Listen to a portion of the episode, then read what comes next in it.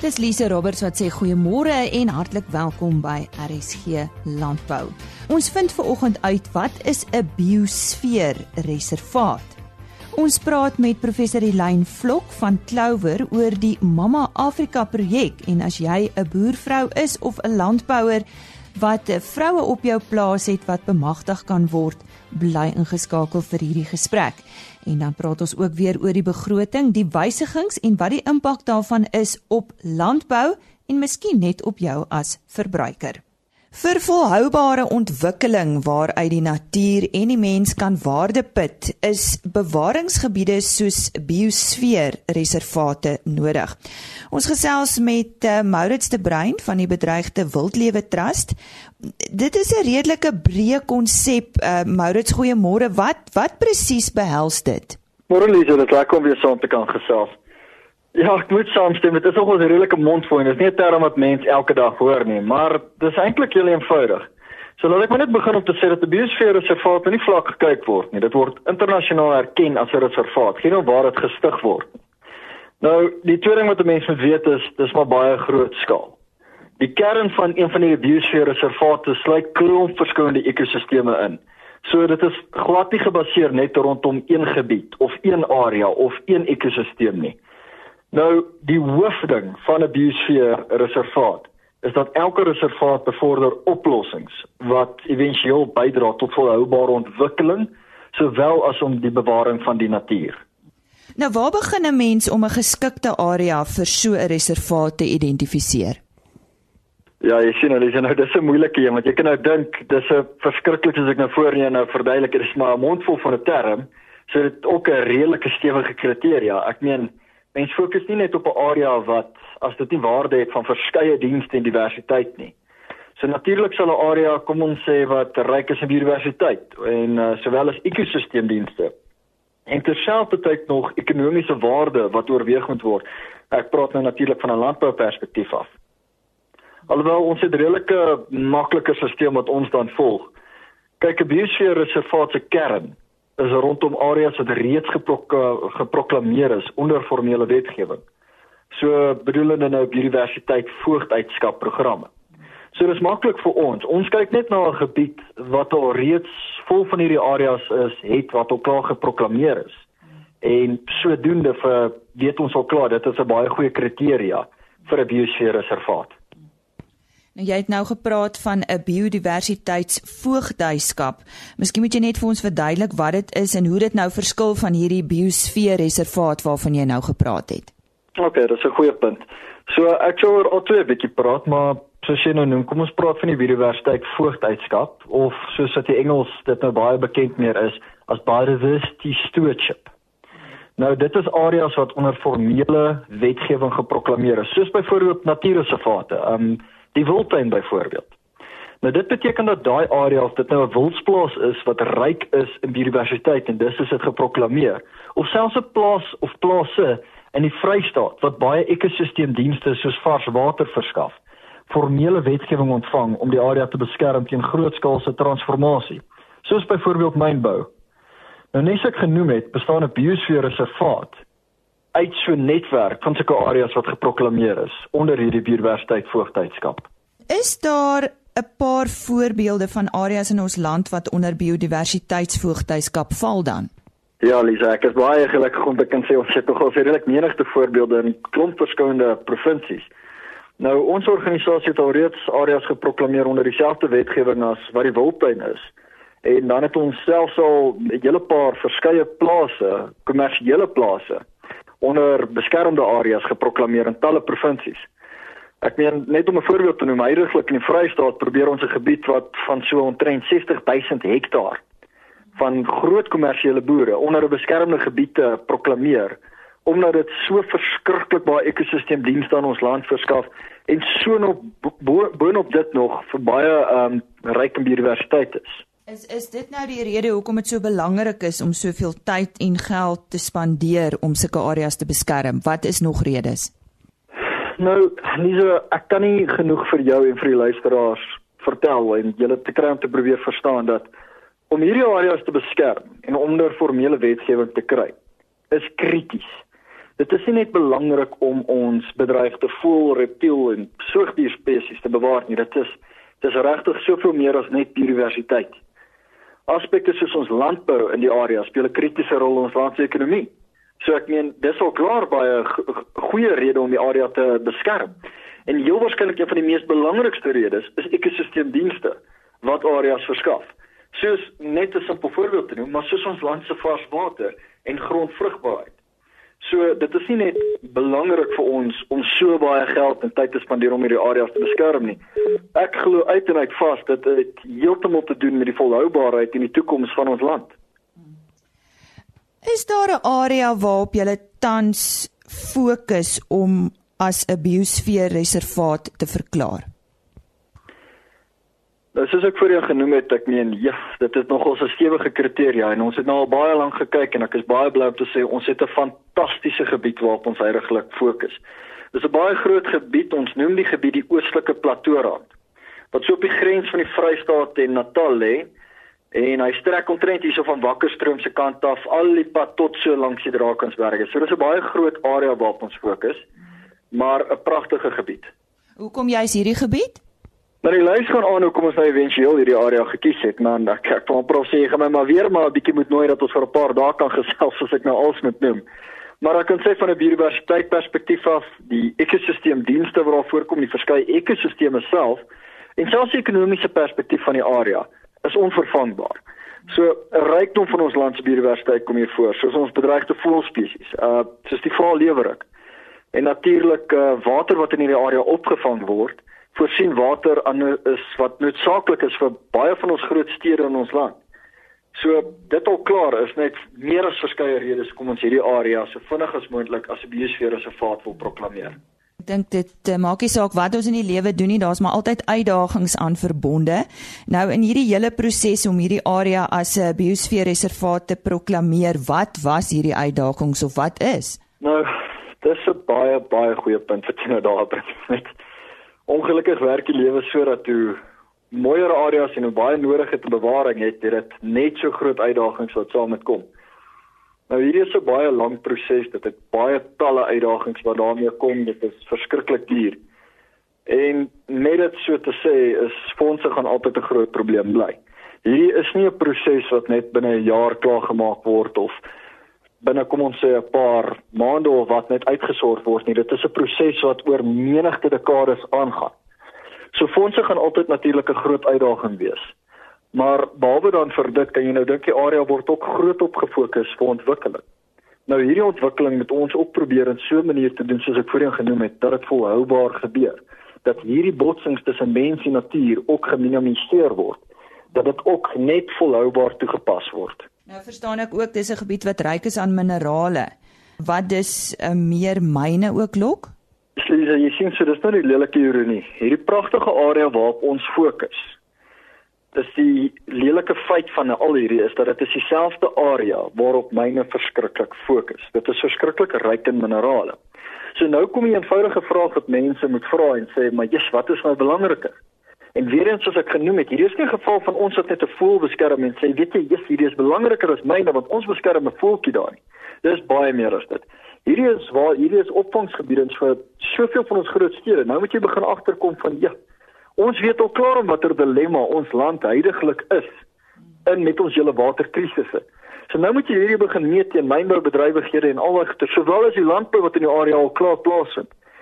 So ons gaan altyd maar aangaan met hierdie groot bekleierheid tussen ons en die myne en ons het natuurlik glo dat hierdie wat ons doen is baie meer krities vir al die tyd na die lewenspan van 'n myn teenoor hierdie van ons wat vir eeue lank nog moet staan.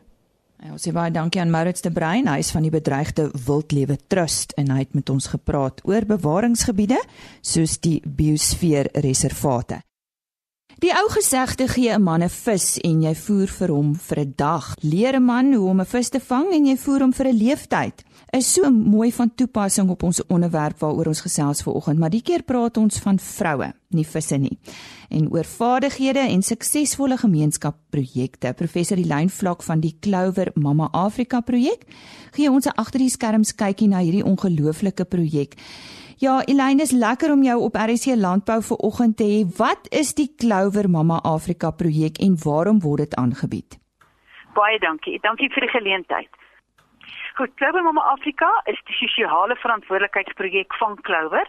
En hierdie projek is reeds 14 jaar oud waar ons die lewens van meer as 15500 kinders verander het en meer as 2800 ou mense. Ehm uh, dit ons is in 44 verskillende provinsies en ek dink die hele gedagte het ontstaan dat Clover as 'n maatskappy ook wil terugploeg en dit is regtig 'n verskil wil maak in die lewens van die armstes van die armstes. So ons werk baie hard om 'n uh, direk 'n uh, opleiding te gee aan uh, dames en dit is vroue wat na mishandelde kinders kyk, na kinders wat weggegooi is, kinders wat net rondloop of vigswesies en hulle vind dit dan op hulle self om of neem dit op hulle self om na hierdie kinders te kyk. Uh so ons kry dan hierdie vroue en ons gee hulle vaardighede, opleiding en benodigdhede en ons help hulle om selfinstandhoudend te raak. Uh so dit is 'n voltydse werk. Uh ek en een kollega wat hierdie werk doen en maar 'n ongelooflike bevredigende werk. Elina, ons boere is baie bekommerd oor landelike gebiede wat so ten gronde gaan. Miskien kan jy net vir ons vertel waarom is ontwikkeling dan so belangrik? Ek dink die wonderlike van ons projek is dat dit oor 3 vlakke eintlik sny, want deur ons projek uh, spreek ons uh, geslagsissues aan dat met dit dat ons na vroue kyk wat regtig eintlik maar altyd in die agterspeen styg en ook uh, ekonomies want ons help ons bemagtig hierdie vroue en dan verder is dit ook 'n sosiale uh, aspek wat ons aanraak omdat ons kyk na die uh, uh, sorg van hierdie uh, uh, persone hierdie vroue en ons hulle help om te ontwikkel en uh, tot uh, sentrums en klein besighede te kan omskep. Uh, die wonderlike is dat hierdie dat ons hierdie vroue vind vind wat skaam is wat teruggetrokke is wat omtrent nie 'n woord kan sê nie maar wat dit al vir hoeveel jaar net kinders in hulle sorg het en dat hulle dan kies om uh, bemagtig te word en uiteindelik uh, wil hulle self instandhoudend raak. Een ding wat ek geleer het is maak nie saak waar jy iets doen nie begin net om iets te doen en ek weet veral 'n vrou vandag wat na my luister gaan dink maar waar begin ek nou op hierdie plaas waar ek sit en ek kan vir haar sê weet jy hoef net links te kyk of regs te kyk die nood is so groot. Ehm um, as jy mens na hierdie vroue luister uh om iets te kan maak met hulle hande is natuurlik dadelik 'n uh, geleentheid waar hulle kan iemand hulle kan leer uh ou afvallappe wat hulle kan gebruik en hulle kan onmiddellik 'n handvaardigheid aanleer uh en 'n inkomste verdien. Uh ons vind dat byvoorbeeld broodbak is die een groot gemeene deler want al die mammas wil brood bak en hulle doen dit ook. Hulle het onmiddellik dan vars kos vir die kinders in hulle sorg en dit wat oor is kan hulle ook verkoop. En ons moet onthou dat voordat ons hierdie vroue vind, gaan bedel hulle maar maar by 'n winkel uh, in die kleinhandel of waar ook al en kry hulle ou gemigte brood en dit is wat hulle vir hierdie kinders gee en geen persoon kan tog ordentlik lewe met die tipe van ou kos wat hy kry nie. As jy niks het nie, ja, dan sal baie mense seker sê ja, maar dan jy iets, maar ek kan jou verseker, ek sien die verskil wat dit maak uh aan nie net aan kinders wat beter uh, uh, uh, eet en hoe gesond hulle is nie, maar ook aan hulle breinkrag en hulle algemene lewe en daai hele gevoel van uh, eie waarde wat wat ook waarin ons ook werk. En op hierdie oomblik het ons deur ons projek uh, kyk ons al is 363 persone ontvang maandeliks al 'n salaris en het 'n inkomste en hulle wel werkverskaffing byvoorbeeld glad nie eens deel was van hierdie projek nie. Dit so wonderlik ontwikkel dat ons mammas is trots omdat hulle vir mense wat vir hulle help in hulle projek 'n inkomste kan betaal. Ons gaan terug na daai vroue toe. Op grond waarvan word hulle vir so 'n projek gekies? Goed.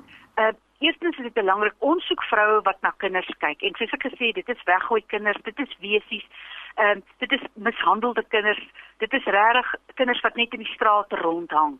En dan begin hierdie mamma gewoonlik uh, of hierdie vrou voordat sy nou by ons in Mamma Afrika word, uh, word sy nou 'n uh, uh, sien sy miskien nie die kinders loop in die strate vir kwaad geld en dan begin sy hulle half probeer sy hulle besig hou of hulle is meestal ook honger en dan gee sy maar 'n kosie en voordat sy haar kom kry sit sy met 15 of 20 party mammas het 177 ander het 265 in hulle sorg waarna hulle kyk. So dit is 'n selfopgelegde taak. En om 'n Mamma Afrika te kan word is dit die eerste voorvereiste dat ons 'n vrou vind wat alreeds vir minstens 3 tot 5 jaar na hierdie kinders kyk. En die rede is ek kry baie dames wat vir my sê I have a dream. En dan I have a dream is baie ver verwyder van môreoggend om wakker te word met 50 of 80 paar oë wat na jou kyk en sorg soek, liefde soek, aandag soek, kos en klere en skoling. So dit is belangrik. Dan is dit ook belangrik dat hierdie vrou die wil moet hê om te bemagtig bemagtig te wil word. Met ander woorde, sy moet voel Sy het regtig, sy wil beter doen. Sy wil 'n beter vaar met met en, en iets doen wat haar lewe ook vir haarself die moeite werd gaan wees. Belangrik is dat daar 'n infrastruktuur moet wees. So sy moet iemand hê wat alreeds haar help om uh, die huis skoon te maak of wasgoed te was om al hierdie klere te probeer stryk of in orde te kry want meestal gaan soek hierdie mamma maar plekke waar sy kan kossies kry om hierdie kinders te kan voed voordat ons op haar pad kom. Ehm um, so as uh, en as sy dan voel sy wil bemagtig word, sy het hierdie infrastruktuur, sy het haar eie eiendom want dit is ook belangrik. Ons het ook al stelle afgetrap waar ons so uh, gretig is om te help. Ons begin dadelik die plekke veilig hawe maak en dan kom 'n familielid wat wat eis en sê maar dit is eintlik my plek. Baie dankie, julle het dit nou mooi reggemaak. So ons het vinnig geleer ook dat ons moet seker maak dat die eiendom wel die, in die mamma se naam geregistreer is en dan kan ons haar begin uh, help. So dan kies sy wat sy wil hê want dit is ook belangrik dat ons nie vir haar sê wat sy moet doen nie want dit gaan oor het sy genoeg plek? Het sy die belangstelling? Het sy die mense om te om daardie soort werk te wil doen wat jy weet waarmee ons al wil bemagtig? So daar's verskillende faktore, maar ek dink dit wat ek nou genoem het is dan van die belangrikstes waarna ons kyk voordat ons 'n Clover Mama Afrika kan aanstel. So waar kry julle nou die kundigheid om hierdie vaardighede aan die deelnemers oor te dra en miskien kan jy ook dan ook 'n bietjie uitbrei op hierdie kursusse wat julle aanbied? Goed, ons het die die belangrikste is dat jy uh, eerstens in terme van benodigdhede gee ons meestal goeie industriële tipe van benodigdhede want anders steek ons die hele tyd in standhouding en daar's niks wat iemand so is dit die regte woord despondent of negatief maak as jou masjien die hele tyd moet ingaan vir 'n diens omdat daar 'n swak spanningsprobleme is of wat ook al. En daarom is dit ook belangrik dat ons van die beste verskaffers gebruik. So ons gaan soek hierdie verskaffers en ons het 'n hele klomp wat met ons nou saamwerk. Ons praat van ons blue chip partners en dit is mense wat ons regtig help op wie se knoppie ons kan druk wat verstaan. Ons kan nie 'n uh, 'n uh, oond wat breek uh, 'n uh, week los nie want dan staan nie kos nie. Uh daar's ook nie inkomste nie. So ons moet hier mense hier op die plek wat onmiddellik 'n uh, eh, tegnisie kan verskaf om 'n masjien byvoorbeeld te gaan regmaak. So ons vind die beste van opleiers en verskaffers vir ons projek. En dan het ons verskillende projekte. Ons het uh, wat ons meer ons groot projekte is byvoorbeeld die broodbak, want almal kan met broodbakke inkomste verdien en hulle het onmiddellik ook kos vir hulle mense. Uh naaldwerk is altyd 'n wonderlike item om te kan hê op jou lys. Uh, ons doen baie goed met organiese tuine. Baie van ons mammas het hoenderlê-batterye, party van hulle het haarsalonne, ander dames swys.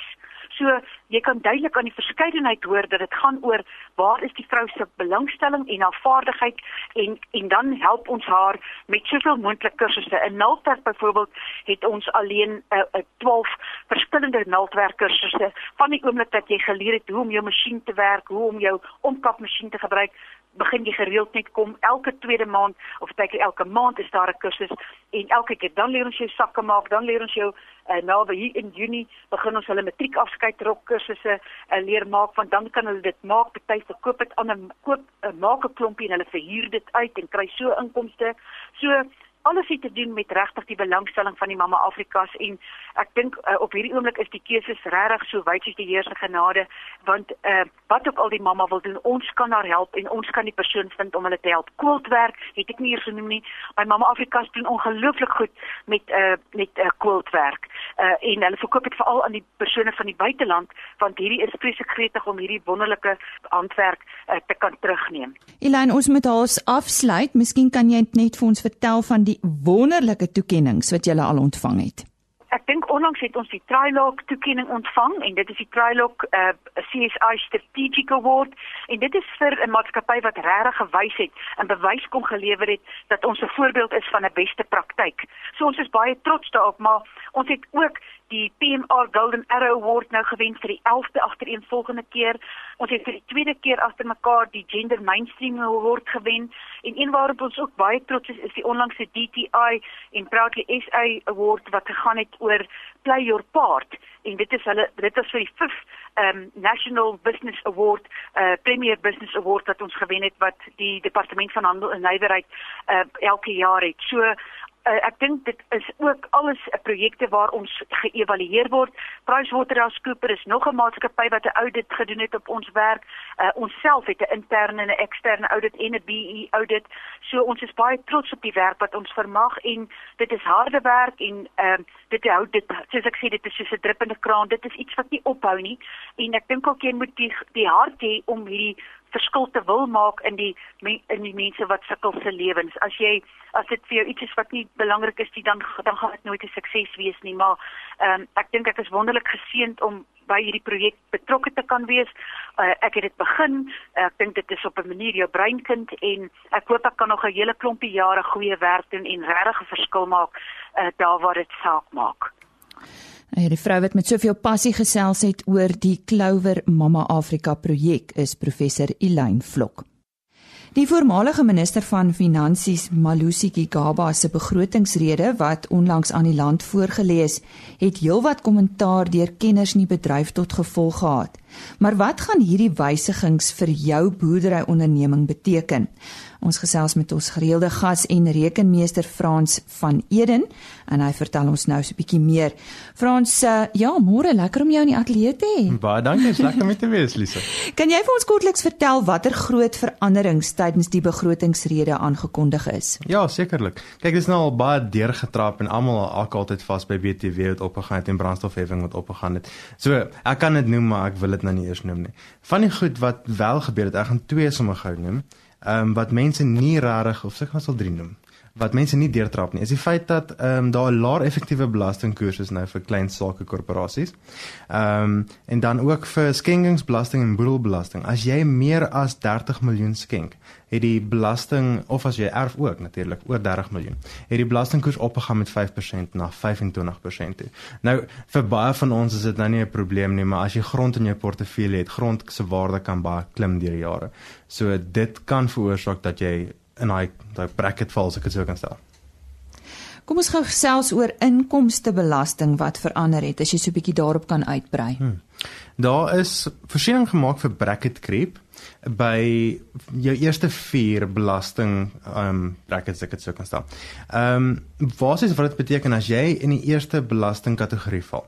Kan jy nou R2400 per jaar meer verdien as laas jaar? waarop jy geen belasting bes, ach, sal betaal nie. So beteken dit is R200 'n maand. So hulle het vir inkomstebelasting, persoonlike inkomstebelasting, die eerste 4 um tax brackets het hulle aangepas vir bracket creep, maar dit is nie die dis nie vir inflasie aangepas nie. So dis onderinflasionêre aanpassings gewees. So waarop dit neerkom is jy kan hierdie jaar R2400 'n jaar meer verdien as jy in die eerste tax bracket is. So dit werk uit op R200 'n maand waarop jy dan geen belasting sal betaal nie. So dit is in effek R78150 wat jy kan verdien sonder om belasting te betaal. Dan vir die laaste paar, die laaste 3 oorblywende belastingskale, is daar geen verandering gemaak vir bracket creep nie. So dit dis nou net weer terug op die geval van as jy meer verdien en betaal jy nou maar meer. Dis dis daai um representative tax stelsel wat ons is. Jy praat nou heeltyd van bracket creep. Vertel ons bietjie uh daarvan en en watter effek gaan die begrotingsrede nou daarop hê? Bracket creep is is 'n term wat gebruik word vir die effek wat inflasie op jou geld het. So as ons inflasie syfer 6% is en ons pas dan bracket creep toe, ehm um, dan sou ons normaalweg 6% die die belastingskale verhoog met 6%. Nou wanneer dit onder inflasie is, dan verhoog ons dit nou minder as 6%. So die doel is natuurlik elke jaar sodat jy nog steeds soveel kan koop met jou belastinggeld as laas jaar ehm um, as inflasie nou nie daar sou gewees het nie. Dit is wat bracket creep is. Dis dis daai inflasie effek. Watter invloed kan hierdie stygings nou op uh, die boer as werkgewer en sy werknemers hê? Ons kyk natuurlik na ehm um, plaasbestuurders wat nie van jou laer inkomste groepe is nie. Hulle gaan meer belasting betaal as hulle regtig goed vergoed word. Ehm um, So daar moet 'n bietjie gekyk word en kyk word hoe jou belasting daar beplan kan word vir hulle. Die boer self ook, baie boere trek regtig groot salarispakkette. Ehm um, hulle moet ook kyk na hoe om dinge te struktureer om bietjie te spaar. Daar is maniere om dit te doen, so wees op die uitkyk daarvoor. En wat het in terme van mediese belasting gebeur? Ons almal weet ons praat nou van die nasionale ges gesondheidsversekeringsplan. Dis nou een van die goed wat almal nou deesdae van gepraat het. En ehm um, daar was sprake dat jou jou um, mediese belastingkrediet gaan wegval. Ehm um, en dit daai geld wat hulle normaalweg sou gespaar het vir jou as as inkomste betaler as belastingbetaler. Ehm um, sou dan jy nou moes betaal oorbetaal pleks van om elke maand daai krediet te kry en hulle sou daai ekstra belasting gebruik het om hierdie gesondheidsplan te te finansier. En wat nou gebeur het is hulle het onder inflasie weer eens aangepas hiervoor. So jy kan nou vir jou eerste twee begunstigdes R310. So as jy een persoon is 310 as jy twee is 620 um, per maand spaar. So dis oor die R6000 'n jaar wat jy kan spaar. En vir elke volgende afhanklike is dit R209 'n maand wat jy kan spaar as jy op 'n geregistreerde mediese fonds is. Daar was geen verandering aangekondig op die belastingkoerse vir trusts, maatskappye en mikrobesighede nie. Waarvoor is daar wel nou voorsiening gemaak? Maar ek het vroeër genoem dat daar vir klein sake korporasies wel 'n voorsiening gemaak is. Ehm um, hulle het ook aangekondig dat daar ses nuwe special economic zones van hierdie jaar af nou in werking gaan tree. So mense kan verwag as jy in hierdie special economic zones is dat jy ehm um, beter belastingtariewe gaan betaal en ook ons het 'n uh, tipe van 'n werkneming 'n werk ja, werknemers aansporingsskema gehad in die verlede. Dit is ook nou van toepassing op mense in hierdie special economic zones. So dit is wel aangekondig. Ehm um, die areas om dit sommer vinnig vir jou te noem, wat dit is Richards Bay, daar by Dubai rond, ehm um, Port Elizabeth daar dis die tipe van plekke wat hulle gaan. Meestal hawe areas en ehm um, lughawens waar hulle wil hê mense moet nou meer bedrywighede daar aanboeker. So natuurlik probeer kyk as jy wil diversifiseer om om iewers dit daar ook betrokke te raak. Kom ons gesels nou so 'n bietjie oor daai BTW verhoging wat ons almal nou so bang voor is. Gaan dit enige effek op landbouers en hulle eindprodukte hê? Dit kan ja. Ehm um, landbouers is in 'n gelukkige posisie dat hulle baie van hulle insette kan aankoop teen nul koers. Ehm um, jy jy moet op jou op jou BTW registrasiesertifikaat dan wys dat jy ehm um, kwalifiseer daarvoor, so jy moet met SARS gaan praat dat hulle dit wys op die sertifikaat. Dan kan jy dit van jou verskaffers af aankoop teen nul koers. Ehm um, so dit werk baie maklik uit. Jy jy het nie die probleem dat jy BTW nou betaal nie, maar baie mense doen dit nie en hulle sê ook nie vir hulle verskaffers hulle is geregistreer vir BTW nie. So Ons kyk ook na boere is geregistreer op 6 maande BTW periodes. So elke 6 maande dien jy 'n BTW opgawe in en eers daarna kan jy die geld terugkry. So die eerste ding waarna ek dink wat 'n probleem kan wees nou is kontantvloei probleme. Dit beteken jy gaan moet gaan sit en jy gaan die kontantvloei beter moet gaan beplan want dit gaan 'n probleem wees. Ek sê vir jou nou, as jy nie teen nul koers aankoop nie, gaan jy iewers te in finansiële probleme vashardloop. Want wat jy voorheen gehad het om mee te werk, gaan nou eerslik 1% opgaan. En as jy voorheen net net soos baie boere in Suid-Afrika net net deurgekom het met hierdie finansies en ewesliks alles 1% op en jy het nie beplan daarvoor nie. Ja, jy gaan bietjie sukkel daar, so beplan vooruit. Probeer eerder nou maar ehm um, gaan praat met SARS leë BTW registrasiesertifikaat wysig om aan te dui dat jy 'n boer is sodat jy eerder te nul koers kan koop en dit gee vir jou baie beweegruimte dan in terme van insette wat jy moet betaal. En jy gaan ja, jy gaan later minder terug insette kan terugeis, maar wat maak dit saak as jy nou as jy net deur die loop van die 6 maande eintlik kontant het om te gebruik. Frans, kom ons kyk nou weer 'n bietjie na die groter prentjie. Dink jy die begrotingsrede is goeie of slegte nuus vir ons landbouprodusente? Ek sal vir jou sê is maar gemeng. Daar is goed en sleg in alles. Dis makliker om die sleg raak te sien in die lewe en jy self met hierdie begroting ook. Jy gaan bietjie dieper moet gaan grou om die goed te kry.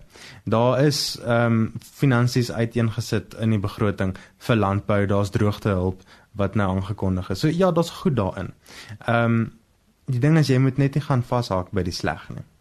Ehm um, gaan praat met jou belastingpraktisyn hulle weet waar die goed is en as hulle nie vir die goed kan wys nie, oorweeg dan maar dalk 'n ander belastingpraktisyn. Om jy af te sluit, uh watter effek dink jy gaan die wysigings aan die brandstofheffings op uh, boerderye hê? En ek dink nie net dis boerderye nie, seker maar ons almal. Dit is ons almal, ja. Maar boerderye is een van die gelukkige paar wat hulle brandstofheffing kan terugeis aan die einde van die BTW periode. So daar, hulle moet nou maar gelukkig wees met daai bietjie wat hulle kan terugkry daarvan. Die probleem is maar altyd ja, jy gaan nou meer betaal vir brandstof. Daai bietjie wat jy terugkry is dalk nou nie meer soveel as jy terugkry soos laas jaar nie. So jou brandstofrekening gaan opgaan elke maand selfs al is jy 'n boer. Ehm um, so al wat ek wil sê is kyk nou maar net om jou kontantvloei ehm um, te begroot. Dink nuwe maniere uit hoe om jou kontantvloei te bestuur. En dit mag dalk beteken om minder rente te betaal op jou lenings. Dis dinge soos dit wat jy nou vir gaan begin met uitkyk. Dis goeie bestuurspraktyke wat jy nou nodig het. So baie dankie aan Frans van Eden. Frans se uh, e-posadres net in geval iemand dalk met jou wil kommunikeer. Okay. My e-posadres is frans@prioritize, dis met 'n s nie 'n z nie, .co.za en uh, hy's natuurlik 'n rekenmeester hier van Pretoria en ons het hom gesels oor die uh, begroting en die effek daarvan op ons boerderye maar ook op ons as 'n gewone verbruiker. Ons kuier dan weer graag môreoggend saam met u. Totsiens. RSG Landbou is 'n produksie van Plaas Media. Produksieregisseur Henny Maas. Aanbieding Lisa Roberts en inhoudskoördineerder Jolandi Rooi.